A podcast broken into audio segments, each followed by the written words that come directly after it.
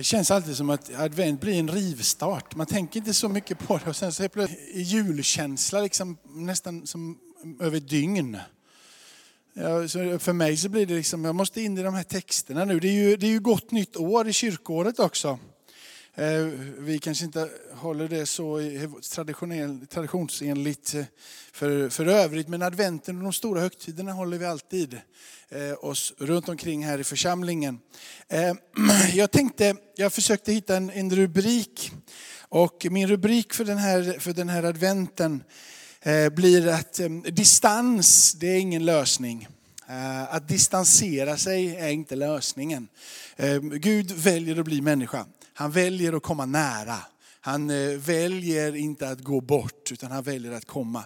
Ibland så finns det en sån här nästan känsla att om jag mår riktigt dåligt så vill jag inte möta någon som stannar hemma. Eh, lite nästan den känslan att jag har svårt med de där människorna som ser ut på det där sättet så jag vill inte vara med dem. Ehm, eh, jag vill inte att den där kulturen som finns runt omkring mig ska vara för nära mig så jag väljer att gå till andra eh, kulturer som passar mig mycket bättre. Svaret tänker vi ibland blir distans när vi tror att närhet kan bli ett problem.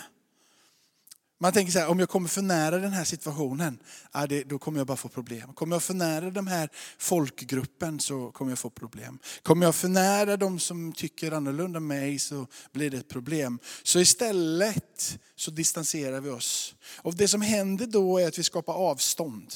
Det som händer då är att vi skapar utanförskap.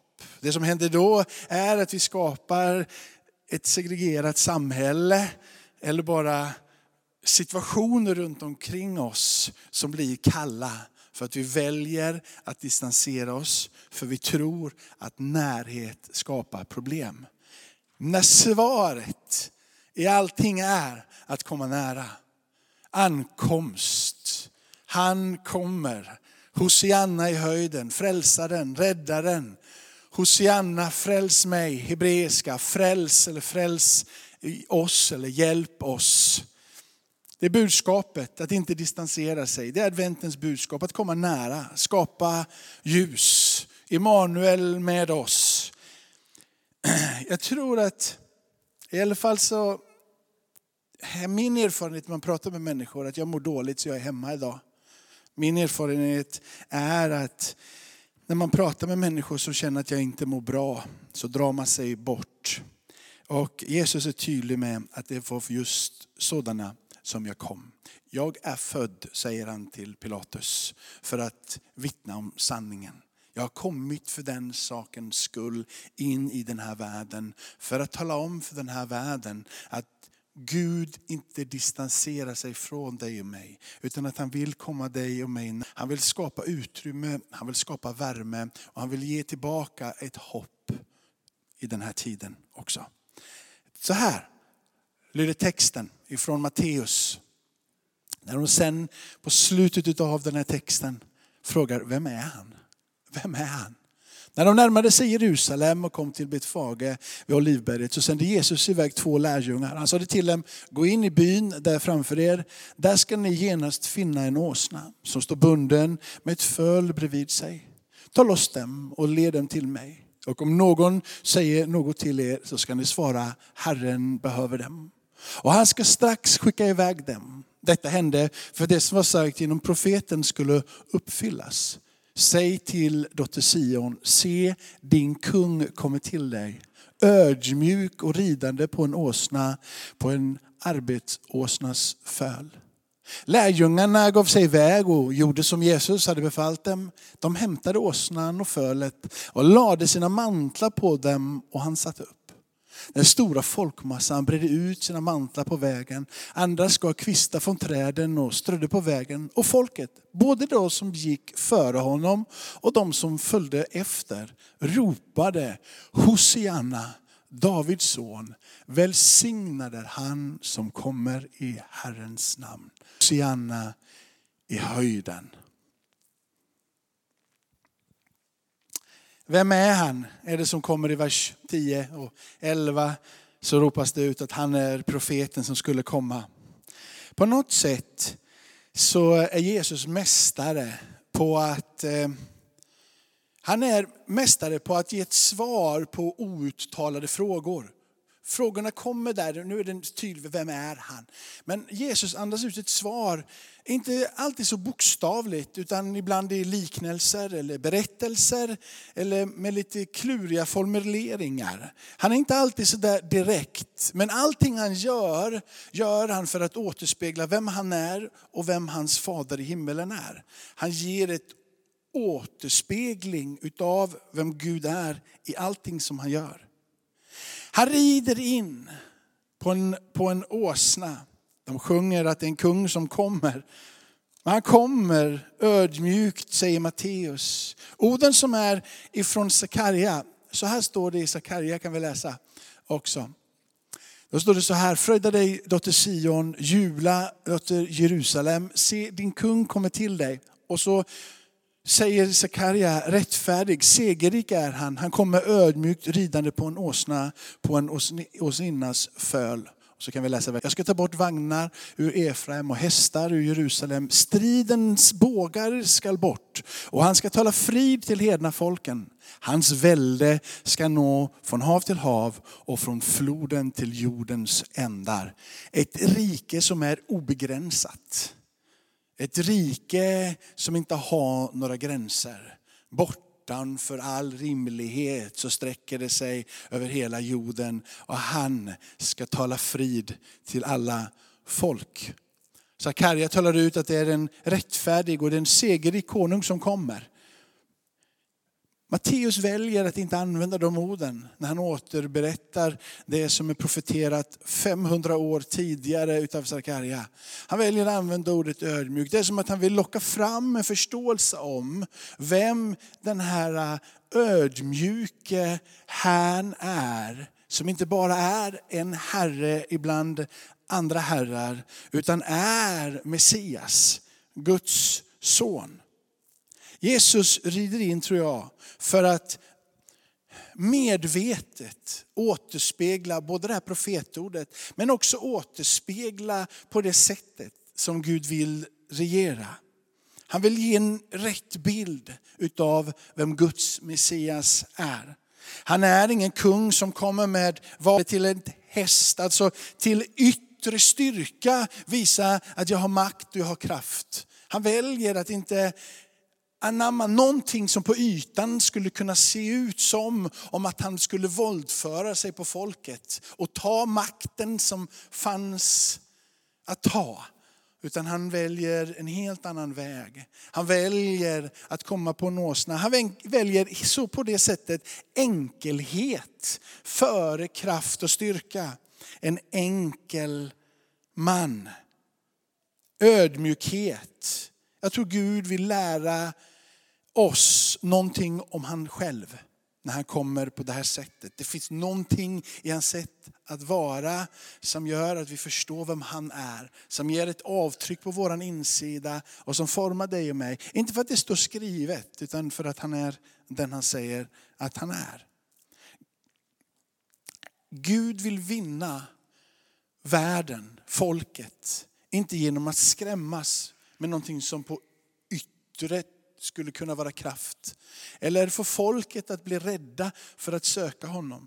Utan han väljer att stå där tillsammans med dem. Han tar den enkla boningen när han föds i ett stall.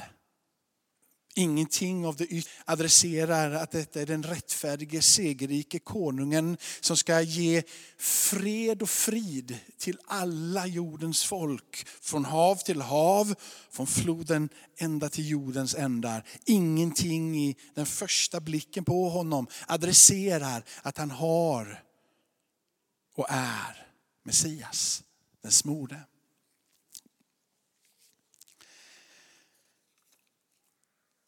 Jesus är dock inte bara den ödmjuke, enkle mannen som rider in på en åsna och föds i ett stall.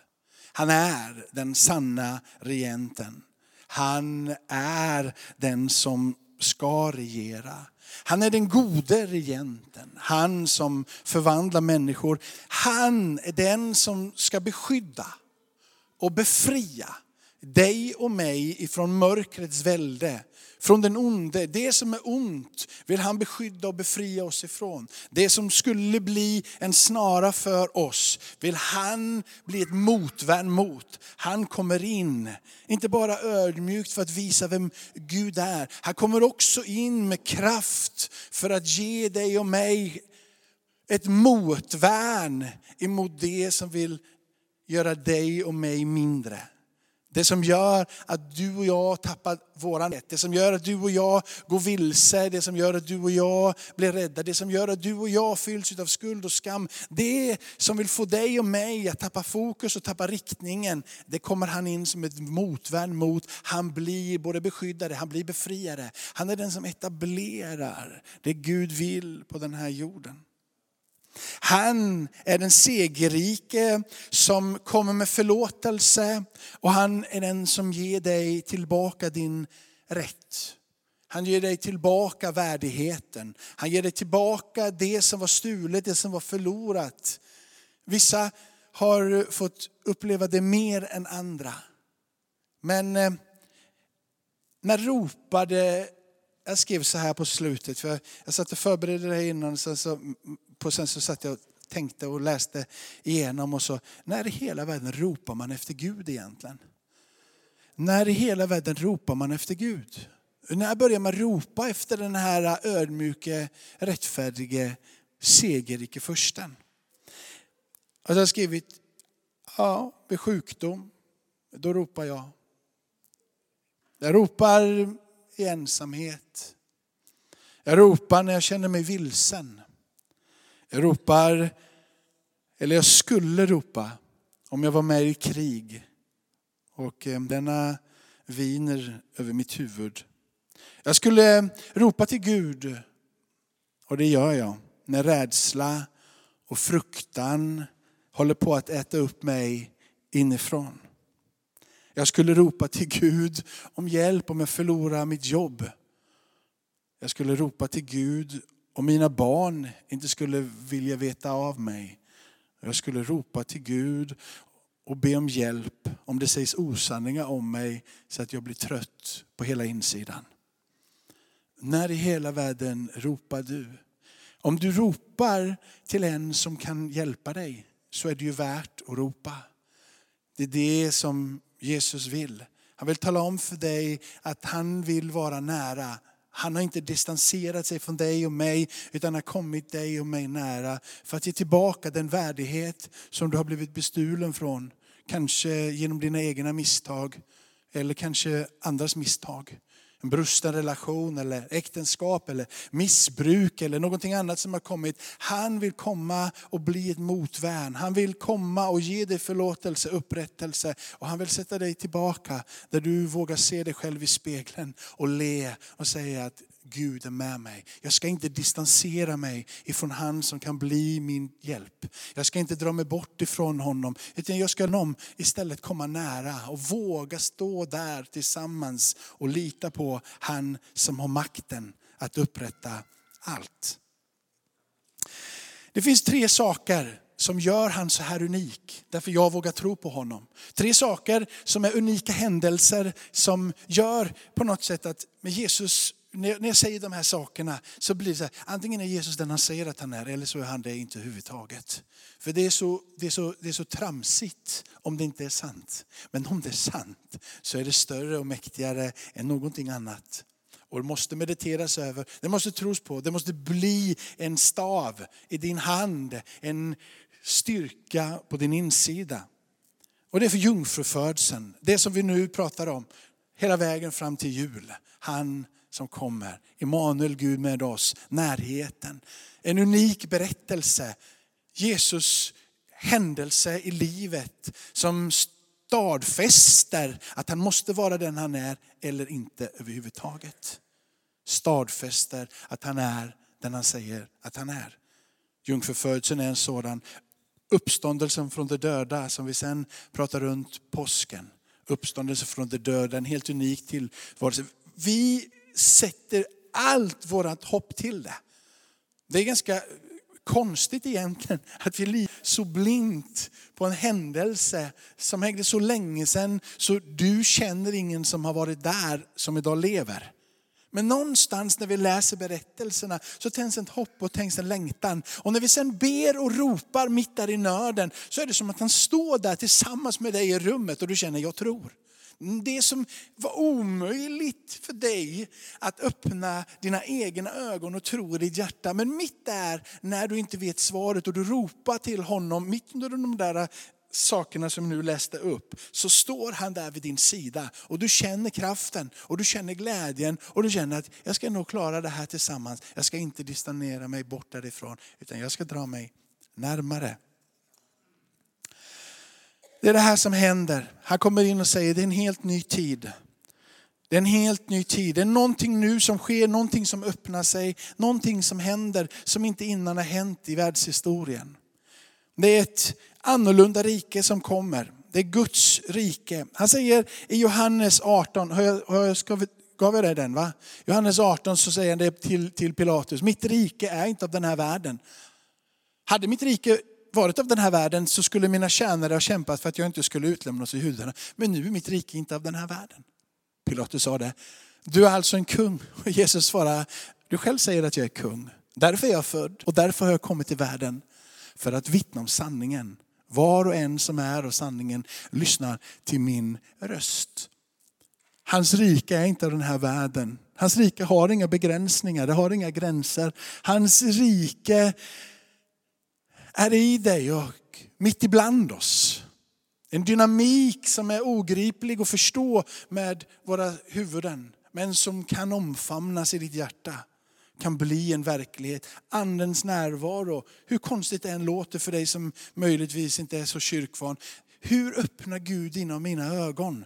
Inte är det väl du och jag som bestämmer. Får jag ställa en fråga mitt här? Om varför, blir, varför är himmelen himmel? Svaret är ganska enkelt, för att Gud är där. Om inte Gud skulle vara i himlen så skulle ju inte himmelen vara himmel. Eller? Kan du tänka dig en himmel utan Gud? Så om Gud finns, och han finns, och han är i himlen, så blir ju himmel himmel för att Gud finns. Om Gud inte är där, följer ni min, min logik i detta? Eller Thomas, tänker, tänker jag fel? Det, det är ganska logiskt, eller hur? Eller? Ja. Och på samma sätt om hans son kommer hit till jorden så blir ju det himmelen på jorden. Inte konstigare än så, inte märkligare än så. Svårt att förstå med våra huvuden. Men där han är, där är då hans rike. Inte mer, inte mindre, utan fullt ut. Han kommer hit för att förklara någonting för oss. Jag tror att alla vill ha närhet.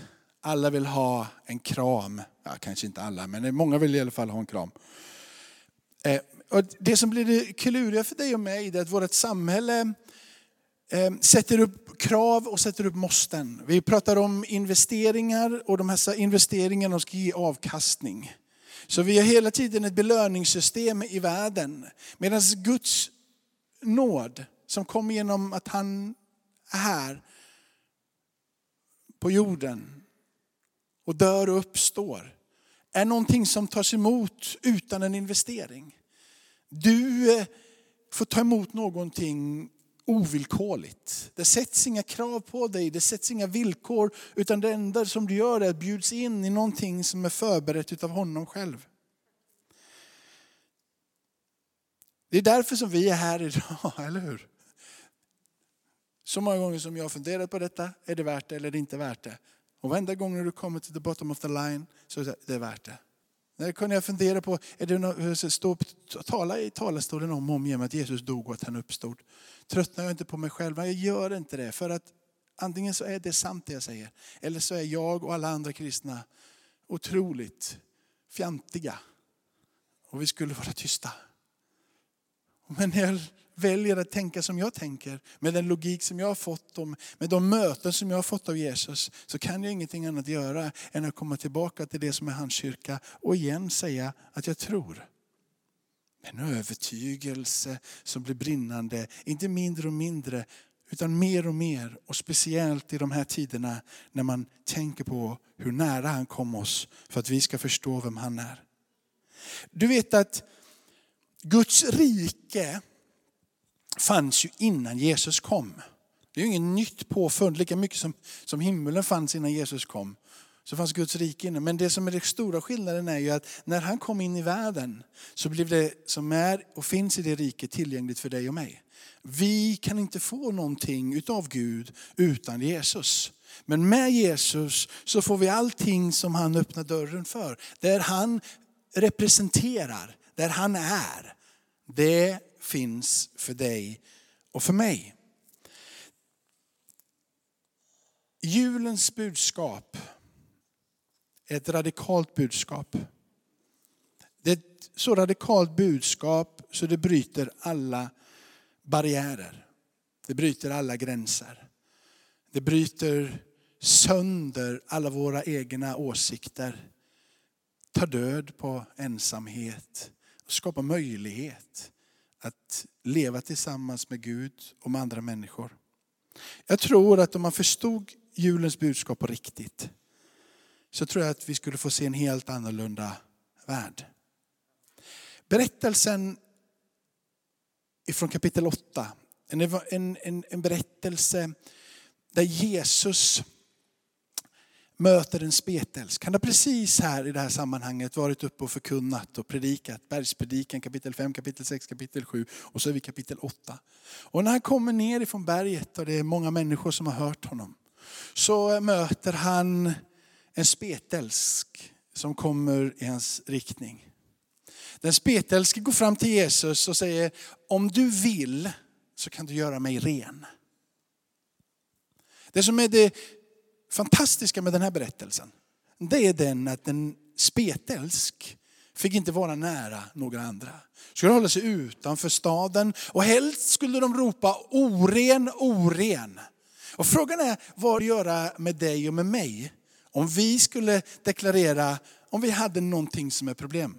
Jag har en granne som nu har problem med köldkötten eh, här på något sätt. Och har då, på något sätt så får man ju, man har någon, någonting som är radioaktivt i alla fall. Som ska ta död på det här problemet. Så skönt att jag inte är läkare så jag kan säga liksom ungefär. Men, men så här är det, på, på två veckor så får man inte vara närmare honom än tre meter. Och det som händer, alltså den här killen är väldigt, väldigt, väldigt social. Men han får inte vara närmare någon tre meter. Så när de äter hemma så får sitta liksom tre meter ifrån varandra. Och han, var, han var ute och, och grejade i trädgården och satte upp någon, några ljus och så vidare. Och det är liksom, nej men kom inte närmare mig, jag är oren. Rör inte vid mig, det går inte. Det får inte vara. Och nu är det här bara två veckor. Men vad, jag, hans personlighet, om det alltid skulle vara, jag tror han skulle både bli deprimerad, rädd, ängslig och till slut så skulle han känna sig utanför. Kan inte åka bil med någon överhuvudtaget. Det blir, det, livet blir oerhört konstigt. Här har den som är spetälsk och inte bara det att han måste ropa och tala om att han är dålig, sjuk och inte värd. Det är ingen som vill ha med att göra honom heller. Ingen som omfamnar honom, ingen som kramar honom. Vad gör det? Har gått en tid. Ingen som vill röra vid dig, ingen som vill ta i dig. Man distanserar sig. För man vill inte bli sårad igen, eller hur? Man vill inte komma in i det sammanhanget där någon säger upp, upp, upp, du är oren, jag kan ta med dig att göra. Nej, nej, nej. Utan man distanserar sig för man blir rädd. Man vill inte vara i närheten. Man drar sig undan. Man känner sig till slut, jag är inte värd det här. Ingen. Någonstans på insidan så tändes ett hopp i den här spetälske. För han hade hört berättelserna om vem Jesus är och vad Jesus har gjort. Och han känner, finns det en möjlighet så ska jag ta den här möjligheten. Jag ska våga nalkas denna man som verkar vara helt annorlunda än vad jag någonsin innan har mött och någon annan har mött också. Och han drar sig nära Jesus. Och han samlar nog kraft ända från tårna och ända upp. Kanske lika desperat som det blir för dig när du sitter där och ensamheten kommer och det enda du kan göra är att ropa till Gud. När dina barn inte vill träffa dig och det enda du kan göra är att ropa till Gud. När problemen är där och det enda du kan göra det är att ropa på Gud. Jag tror att det var det som hände den spetälska. Han tog sats ända från tårna upp, han hade ingenting annat. Han vågade gå ut ifrån sitt lilla sammanhang som var utanför staden eller utanför byn. Han sig fram till folket, han ser Jesus komma och han går fram och han säger Jesus, jag tror att du kan göra mig ren. Jag tror att om du vill det här så kan du göra det. Och Jesus säger jag vill. Och han sträcker fram sin hand och han rör vid den spetälske. Och den spetälske blir helad och ren. Ibland så tänker du och jag, vi är inte värda det där.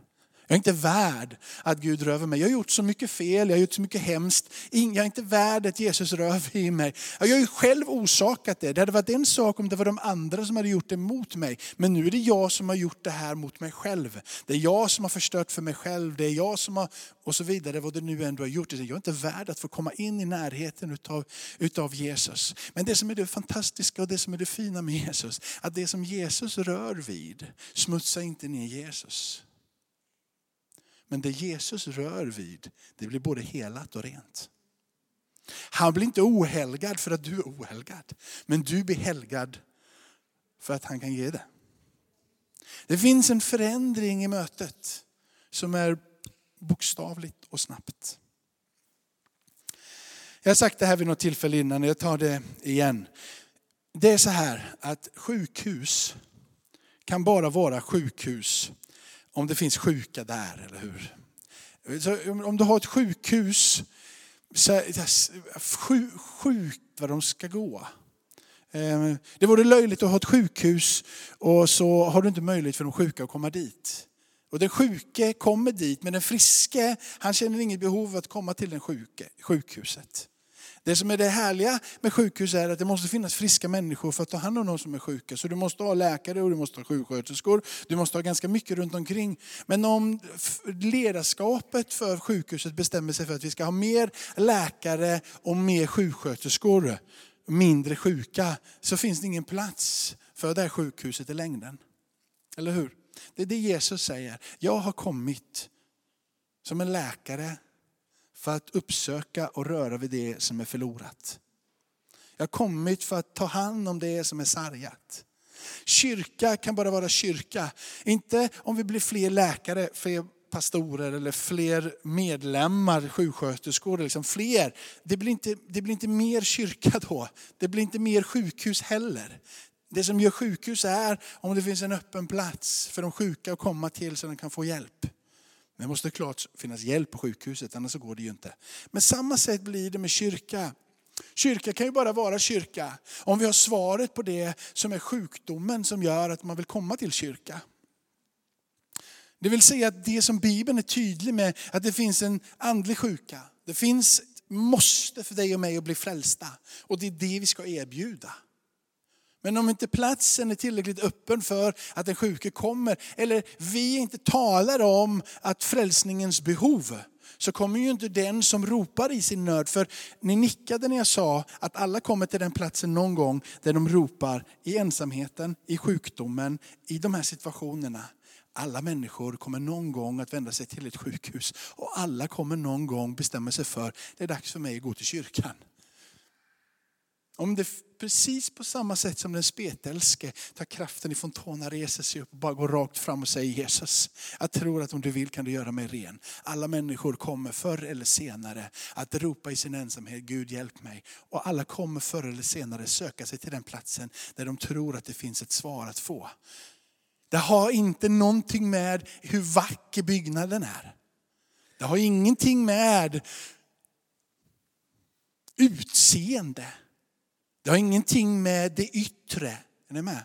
Jesus red in på en åsna. Det har ingenting med hur mäktig Jesus var. Det har ingenting med hur mäktig kyrkan ser ut eller vad det nu än må vara. Det som är det mäktiga med Jesus är att han ödmjukt kommer in och förmedlar någonting som kan vara livsförvandlande. På samma sätt så måste vi klä oss i en helt annan dräkt än den här världen komma in från ett helt annat håll. Vi måste komma in med ett helt annat perspektiv. Kraften som vi har i det vi förkunnar och det vi står för och det vi lever i är så kraftfullt så det behövs inga yttre dräkter. Det behövs ingen häst, det räcker med en åsna. Det behövs inget stort, det kan vara enkelt. För det som vi säger är att det kommer sträcka sig ända ifrån havet till havet, från floden till ända till jordens yttersta gräns. För våran kung, han lever. Vad är det det här gör? Någon sekund till så ska jag sluta för dig som tycker att det är för långt. Bibeln talar egentligen om att människan Människan är på ett sätt god för människan gör mycket bra. Det är väldigt få människor som vaknar på, på, på måndag morgon och säger nu ska jag vara elak idag. Det är väldigt få människor som säger nu ska jag vara, nu ska jag vara sur och elak idag. Utan de flesta människor ändå försöker ska bete mig hyfsat och ordentligt och är goda inne. Men Bibeln talar ändå om den här brustenheten på människans insida. Att det finns någonting i människan som, som behöver Gud. Det finns någonting som driver människan ibland till att bli självisk när den inte vill vara självisk.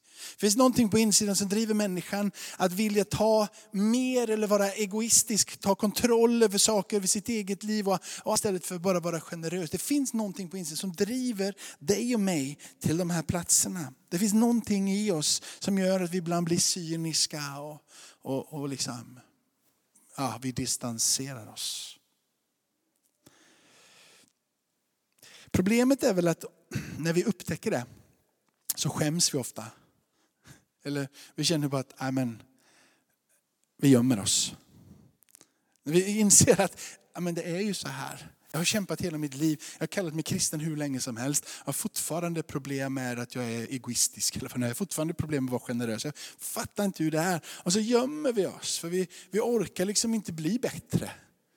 Eller vi bara ger upp på det. Vi distanserar oss.